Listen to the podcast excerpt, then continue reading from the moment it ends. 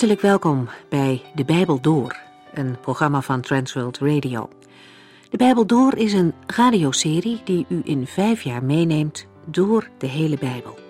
Van Genesis 1 tot Openbaring 22.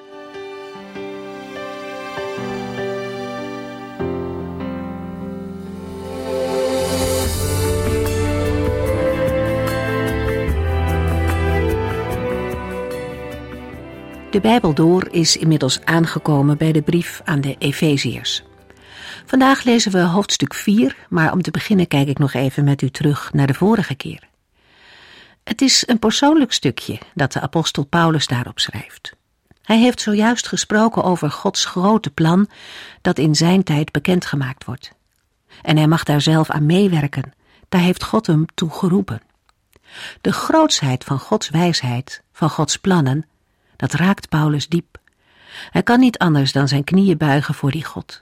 En hij begint een gebed voor de gelovigen, omdat hij ook graag wil dat zij zullen beseffen wat God allemaal voor geweldigs bedacht heeft. Een van de dingen waar Paulus om vraagt, is de Heilige Geest. Hij bidt dat de gelovigen de innerlijke kracht van de Heilige Geest mogen ontvangen. En hij vraagt daarbij of de Heere die ook rijk en overvloedig wil geven. Het is niet nodig om in dit opzicht een valse bescheidenheid voor te wenden en maar weinig van de Heere te vragen. De kracht van de Heilige Geest is nodig om vrijmoedig te kunnen getuigen, maar ook om te leven volgens de nieuwe natuur en stand te houden in de aanvallen van de duisternis. Vervolgens bidt Paulus dat de christenen ook steeds meer geworteld zullen zijn in Gods liefde en daarop hun leven bouwen.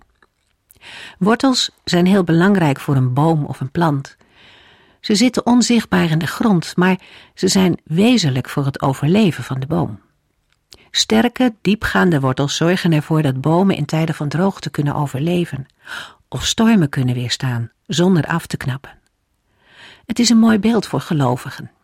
In plaats van ons te richten op het vruchtdragen, is het belangrijk om te wortelen in Christus, om sterk in Hem te worden zodat we stormen en moeilijke periodes goed kunnen doorstaan. En die vruchten, die groeien dan vanzelf wel. We gaan verder. Efeziërs 4.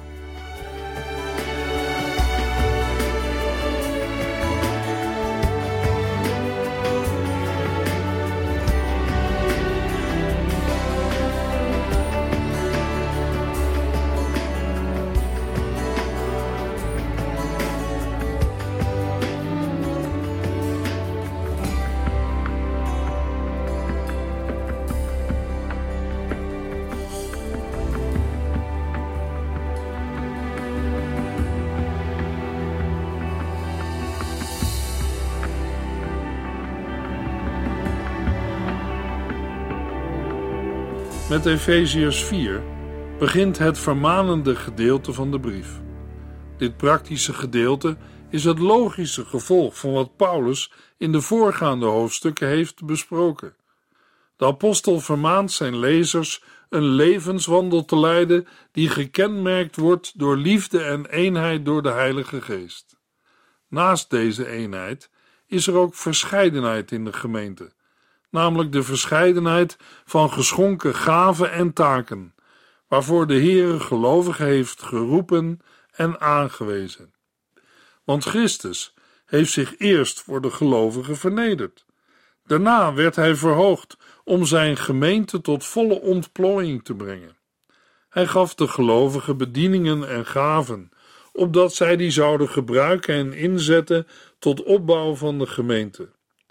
Zo moeten zij komen tot volle geestelijke volwassenheid, om staande te blijven tegen de dwalingen en in liefde op te groeien in Christus. Om Christus wil moeten de gelovigen breken met al wat herinnert aan hun oude levenswandel zonder Christus. De oude natuur is begraven. Ze zijn in Christus opgestaan tot een nieuw leven. Innerlijk vernield door Gods genade moeten de gelovigen naar het beeld van God, naar zijn karaktereigenschappen leven. Leugen, zondige boosheid, diefstal, luiheid en vuile taal moeten worden geweerd en bestreden. Want door zulke zonden bedroeven zij de Heilige Geest en belemmeren zij hun eigen geloofszekerheid. Naar het voorbeeld van Jezus zelf moeten zij de christelijke liefde en vergevingsgezindheid in hun handel en wandel praktiseren. Efeziërs 4 vers 1 Ik zit gevangen, omdat ik de Heere dien, en vraag u dringend te leven zoals past bij mensen die door de Heere geroepen zijn. Juist in zijn gevangenschap om Christus wil, ligt een motief voor de woorden die nu volgen. De lezers die door Paulus worden aangesproken, zijn door de Heere geroepen tot zijn heil. Paulus bindt hun nu op het hart in overeenstemming met die roeping te leven. We lezen deze aanmoediging ook in Filippenzen 1 vers 27.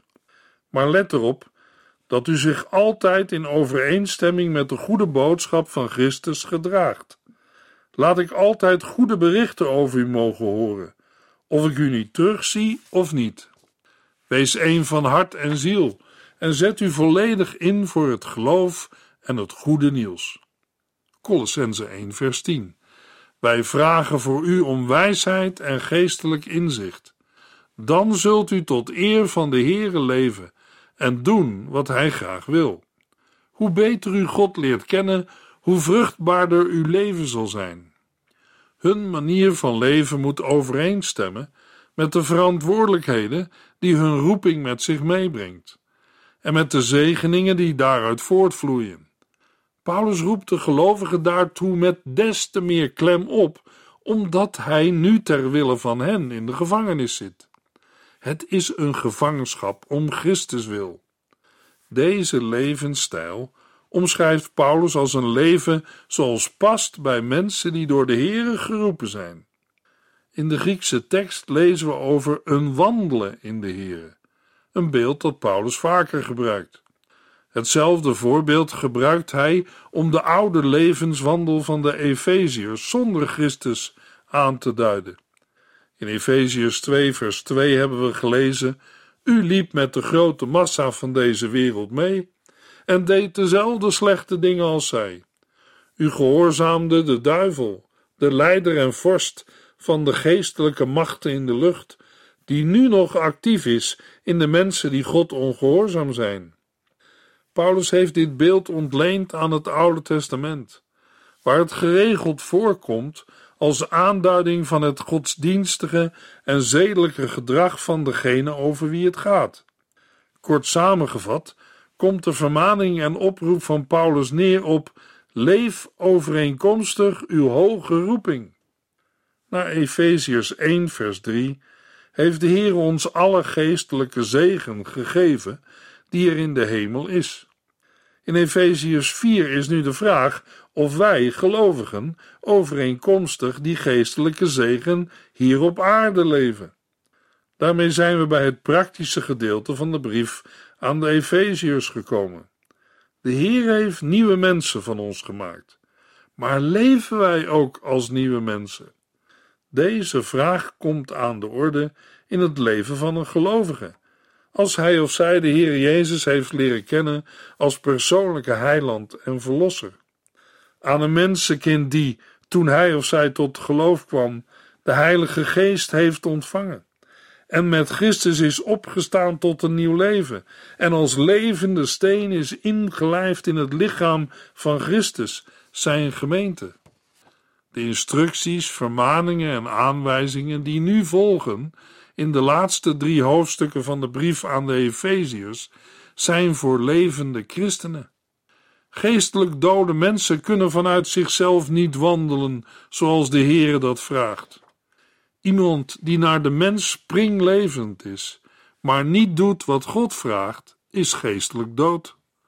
Paulus schrijft in Romeinen 8, vers 10: Als Christus in u woont, is uw lichaam weliswaar onderworpen aan de dood door de zonde, maar de geest is uw leven, omdat God u als rechtvaardig beschouwt. Dode mensen, ongelovige zonder Christus, moeten eerst door Christus levend worden gemaakt. Paulus heeft aan de gelovigen in Rome geschreven dat de mens van nature dood is in overtredingen en zonden. Luisteraar, als u geen christen bent, kunt u hier alleen maar aan de zijlijn blijven luisteren. Daarmee zal duidelijk worden wat de Heere van mensen vraagt als zij tot geloof komen. En daaraan zult u gelovigen ook kunnen herkennen, zoals u een boom herkent aan zijn vruchten. De indringende woorden van Efeziërs 4 vers 1 vinden we ook in Romeinen 12 vers 1. Ik zeg u daarom, vrienden, dat u zich helemaal aan God moet wijden. Te meer omdat Hij u al zijn liefdevolle goedheid aanbiedt. Laat uw lichaam een levend offer zijn, heilig, zodat het een vreugde voor God is. Dat is de beste manier waarop u God kunt dienen.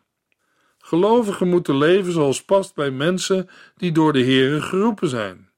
Dat is een wandel in het licht van God, zoals Christus heeft gedaan. Maar, zal iemand denken, ik ben Christus niet. Als dat wandelen in het licht nu eens niet lukt, wat dan?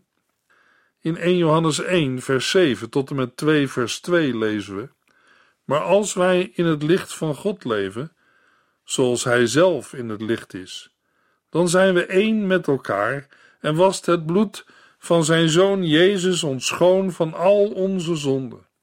Als wij beweren zonder zonde te zijn, bedriegen wij onszelf en doen wij de waarheid geweld aan. Maar als wij onze zonden bekennen, is God zo trouw en rechtvaardig ons die te vergeven. Dan reinigt Hij ons van alles wat we verkeerd hebben gedaan. Als wij beweren nooit gezondigd te hebben, zeggen wij daarmee dat God een leugenaar is en woont Zijn woord niet in ons. Kinderen, ik zeg dit om u van de zonde af te houden. Maar als iemand zondigt, hebben wij een rechtvaardige advocaat die ons verdedigt bij de Vader, Jezus Christus. Hij nam de straf voor onze zonde op zich en verzoende ons zo met God. Hij is het offer voor onze zonden en niet alleen voor de onze, maar ook voor die van de hele wereld. Leven in het licht van God is leven in het licht van het woord van God. Hoeveel tijd besteden wij aan het lezen en bestuderen van het woord van God? Efeziërs 4, vers 2. Wees nederig en vriendelijk. Heb geduld met elkaar en verdraag elkaar vol liefde. Het moet een wandelen zijn in nederigheid, vriendelijk en vol liefde. In Colossense 3, vers 12 komen we dezelfde drieslag tegen, uitgedrukt met andere woorden, namelijk innerlijk medeleven, goedheid, nederigheid, zachtaardigheid en geduld. Als eerste brengt Paulus in Efeziërs 4 nederigheid ter sprake. Een ander woord voor nederigheid kan bescheidenheid zijn. De Grieken zagen het als een scheldwoord. In het buitenbijbelse Grieks had het een negatieve lading. Het was voor Grieken bepaald niet iets om na te streven. Dat Paulus hier juist begint met deze houding, laat zien dat het een instelling is die gepast is voor een gelovige die zijn plaats onder de Here weet in te nemen. Voor Paulus en alle andere gelovigen heeft het vanuit het Oude Testament geen negatieve lading. Dat brengt de apostel als vanzelf op zachtmoedigheid of vriendelijkheid. Het is namelijk een uitwerking van nederigheid. Als gelovigen of gemeenteleden tegenover elkaar bescheiden zijn, zal zich dat uiten in mildheid en vriendelijkheid. Dat Paulus nederigheid en vriendelijkheid zo nauw met elkaar verbindt, doet sterk denken aan de uitspraak van Jezus in Matthäus 11, vers 29. Voeg u naar mij en wees mijn leerling, want ik ben vriendelijk en nederig van hart. Als derde noemt Paulus geduld of langmoedigheid. Niet zonder reden wordt geduld in het Nieuwe Testament meer aan God en aan Christus toegeschreven dan aan de mensen. Van God en Christus geldt dat zij geduld hebben. Vandaar ook de vermaning elkaar in liefde te verdragen. Niet het eigen gelijk moet voorop staan. Het gaat erom dat gelovigen geduld hebben met elkaar en elkaar vol liefde verdragen. Het moet een levenshouding van gelovigen zijn. Dat is niet hetzelfde als het komt wel eens onder gelovigen voor. Daarom kan geduld alleen door de liefde concreet worden en gepraktiseerd. Efeziërs 4, vers 3. Doe uw uiterste best de eenheid te bewaren die de Heilige Geest onder u tot stand heeft gebracht door in vrede met elkaar te leven. Het wandelen van gelovigen volgens hun roeping moet ook daaruit blijken dat ze zich ervoor inspannen de eenheid van de Heilige Geest te bewaren. Aan hen allen, hoe verschillend hun achtergrond ook is, Joden en niet-Joden, is dezelfde Geest gegeven. En dat bindt hen samen. Deze eenheid is een geschenk van de Heilige Geest. Daarom moet het gelovigen alles waard zijn deze geschonken eenheid in stand te houden.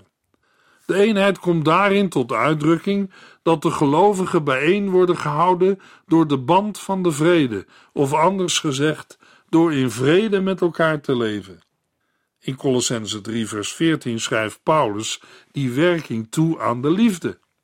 Waar het op aankomt, is dat u zich laat leiden door de liefde, want dan zal de gemeente in volmaakte harmonie bijeen blijven. In Colossense 3 brengt Paulus, net als in Efeziërs 4, vers 2 en 3, de liefde en de vrede vlak na elkaar ter sprake. Waarop het aankomt, is dat die onderlinge vrede bewaard blijft. Efeziërs 4, vers 4. Wij horen immers allemaal bij hetzelfde lichaam. Wij hebben dezelfde geest. Wij verwachten dezelfde heerlijke toekomst omdat God ons heeft geroepen. In vers 4 en in de beide volgende versen noemt Paulus achtereenvolgens zeven zaken die fundamenteel zijn voor het christelijk geloof. Alle zeven leidt hij in met het woordje één. Dat geeft het unieke karakter ervan aan. Ook in de brief aan de Corinthiërs heeft de apostel over deze kenmerken gesproken. In 1 Corinthiërs 8, vers 6 hebben we gelezen: er is maar één God, de Vader, door wie en voor wie wij leven. Er is ook maar één Heer, Jezus Christus, door wie alles is gemaakt en die ons het leven heeft gegeven. Verderop in de brief in 1 Corinthians 10 vers 17 schrijft de apostel: Want al zijn wij met velen, wij zijn één lichaam, omdat we allemaal van dat ene brood eten. En in 1 Corinthians 12, vers 13, want de geest heeft ons allemaal tot één lichaam samengevoegd, het lichaam van Christus. Het doet er niet toe of wij Jood of niet Jood zijn, slaaf of vrij man. Wij zijn alle doordrenkt met die ene geest.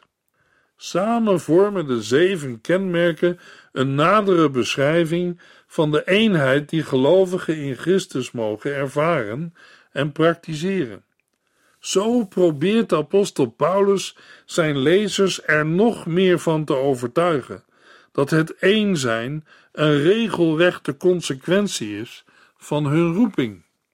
Als mensen met een heel verschillende achtergrond vormen zij nu in het verband van de gemeente van Christus één lichaam. In Colossense 3 vers 15 schreef Paulus: Laat de vrede van God uw harten beheersen. Daartoe heeft God u ook geroepen als leden van één lichaam. Wees daarom dankbaar. Dat deze eenheid geen verdienste van mensen is, mag blijken uit Efeziërs 2, vers 14. Want Hij zelf, Christus, is onze vrede. Hij heeft u en ons tot één volk gemaakt door de muur van vijandschap die tussen ons instond af te breken. Ook in Romeinen 12, vers 5 lezen we hetzelfde. Al zijn wij met velen, door onze verhouding tot Christus vormen wij samen één lichaam. En wij zijn stuk voor stuk leden van dat lichaam. Wij horen bij elkaar. Gelovigen hebben de onderlinge eenheid te danken aan Christus. Ze hebben dezelfde geest ontvangen. Door één geest hebben zij, christenen uit de Joden en niet-Joden, beide toegang tot de Vader. Het is ook door die ene geest dat zij tot één lichaam zijn gedoopt en samengevoegd. Dat ene lichaam is een schepping van de Heilige Geest. Vandaar dat in vers 4 lichaam en geest in één adem worden genoemd. Zo is er ook sprake van dezelfde heerlijke toekomst. Als geroepenen hebben de gelovigen allemaal één toekomst in het vooruitzicht, namelijk de heerlijkheid van Christus. Efeziërs 4, vers 5 en 6. Er is maar één Heer, één geloof en één doop. En we hebben allemaal één en dezelfde God en Vader, die boven ons allen staat, die in ons allen is en door ons allen werkt. De drie kenmerken in vers 4 één lichaam, één geest en één hoop, of met andere woorden, éénzelfde heerlijke toekomst, worden in vers 5 en 6 aangevuld met één Heer. Het verwijst naar de Heer Jezus Christus. Zijn heerschappij over de gelovigen brengt de eenheid van de christelijke gemeente tot stand. Een vijfde kenmerk is één geloof. Een uitdrukking die verwijst naar het geheel van de christelijke waarheid, die in het Nieuwe Testament ook wel de leer van de apostelen wordt genoemd. Helaas heeft de christelijke kerk al vanaf het begin onder vuur gelegen van allerlei partijschappen en oneenigheid, die tot verdelingen en scheuringen hebben geleid. Daarover moeten ook wij ons verootmoedigen en schuld beleiden. Ook als wij niet de oorzaak van een scheuring waren, moeten wij ons verootmoedigen en schuld beleiden. Omdat wij, met allerlei vrome motieven, een breuk tussen broeders en zusters vaak koesteren en in stand houden. In dit verband wil ik in herinnering brengen wat Paulus schrijft in 1 Corinthians 1, vers 10 tot en met 12. Maar, broeders en zusters, in de naam van de Heer Jezus Christus, smeek ik u eensgezind te zijn. Maak het met elkaar in orde, zodat u weer één van hart en ziel bent. Want ik heb namelijk van de huisgenoten van Chloe gehoord dat u het niet met elkaar kunt vinden. De een zegt: Ik hoor bij Paulus, de ander: Ik bij Apollos, en weer een ander, maar ik bij Petrus. Sommigen zeggen zelfs: Wij zijn de echte volgelingen van Jezus Christus. Is Christus dan in stukken verdeeld? Paulus noemt als zesde kenmerk van eenheid onder christenen één doop. Ook over de doop is er binnen de christelijke kerk verdeeldheid opgetreden en zijn er scheuringen ontstaan. In Handelingen 19, vers 5 en 6 lezen we hoe de apostel Paulus de gelovigen uit de stad Efeze heeft gedoopt in de naam van de Heer Jezus Christus. Toen Paulus zijn handen op hen legde, kwam de Heilige Geest over hen. Ze spraken in vreemde talen en gaven woorden van God door. Al hadden zij dan een heel verschillende achtergrond, toch was het steeds dezelfde doop in de naam van de Heer Jezus, waardoor de gelovigen in het ene lichaam van Christus werden opgenomen. Ook het drietal in vers 5, één Heer, geloof en doop, hoort nauw bij elkaar, net als het drietal uit vers 4. Het zevende kenmerk van eenheid vinden we in vers 6. Wij hebben allemaal één en dezelfde God en Vader. Het verwijst naar het vaderschap van God voor alle gelovigen. Er is maar één Vader in de hemel. Ongelovigen kunnen niet zeggen dat God hun Vader is. Als een mens God zijn of haar Vader wil noemen, moet hij of zij ook een kind van God zijn. Dat kindschap is er alleen door Jezus Christus. Johannes schrijft in Johannes 1, vers 12: Maar alle die Hem, Christus, wel aanvaard hebben en geloven in Zijn naam, heeft Hij het recht gegeven kinderen van God te worden. Zij worden opnieuw geboren, niet op natuurlijke wijze of vanuit menselijk verlangen, of omdat de mens dat wil, maar ze zijn uit God geboren. De eenheid van gelovigen brengt een scherp onderscheid tussen gelovigen en ongelovigen. Hij is vader van allen die de zijne zijn door wedergeboorte. De aansporing om als Joden en niet-Joden één te zijn, vindt in vers 6 zijn climax. Voor dat doel beroept Paulus zich op de belijdenis van één God, zoals die in zijn dagen binnen de christelijke gemeente algemeen werd onderschreven. In zijn brieven grijpt de apostel er vaak naar terug. De belijdenis in vers 6 is een echo van het oud-testamentische getuigenis, het bekende Shema uit Deuteronomium 6, vers 4. Ook in het Oude Testament wordt telkens weer betuigd dat die ene God alles heeft geschapen en dat Hij onze Vader is. Uit de woorden wij allemaal blijkt dat Paulus steeds in de eerste plaats aan de gelovigen heeft gedacht. God is de Vader van alle gelovigen. Hij is als Heere boven hen verheven. Hij werkt met zijn Heilige Geest door de gelovigen heen en woont door zijn Geest in hun harten. Dat weet een gelovige. Als die ene Heilige Geest zich zo intens met hen heeft verbonden, kan en mag er geen onderlinge verdeeldheid zijn. Met verdeeldheid verzaken de gelovigen hun roeping. Het slot van vers 6 kan als een lofprijzing aan God worden gelezen, die als Vader alles, inclusief mensen, heeft geschapen, die als Heere boven alles is verheven, die door alle dingen heen werkt en de dragende kracht is in alles wat bestaat. Efeziërs 4, vers 7. Maar ieder van ons heeft genade gekregen naar de mate waarin Christus die gegeven heeft. De zevenvoudige kenmerken van eenheid sluiten verscheidenheid onder de gelovigen niet uit. De christenen in Efeze maken allen deel uit van het ene lichaam van Christus. Maar daarbinnen hebben zij niet allemaal dezelfde plaats en functie. Dat houdt verband met de verschillende maten waarin zij van Christus de genade hebben gekregen om Hem te dienen. De genade heeft in vers 7 de betekenis van genadegaven. Ook op dit punt bestaat er in de gemeente van Christus een zekere verscheidenheid. Daaruit spreekt de vrijmacht van Christus. Hij deelt aan de gelovigen zijn gaven uit, naar de maat die hem goed dunkt. Naar gelang van de genadegave die de gelovigen van Christus hebben ontvangen, kunnen zij hem dienen. Zo is er verscheidenheid in de eenheid. Heeft u al een plekje gevonden in de gemeente van Christus om hem te dienen? In de volgende uitzending lezen we Efeziërs 4, vers 6 tot en met 13.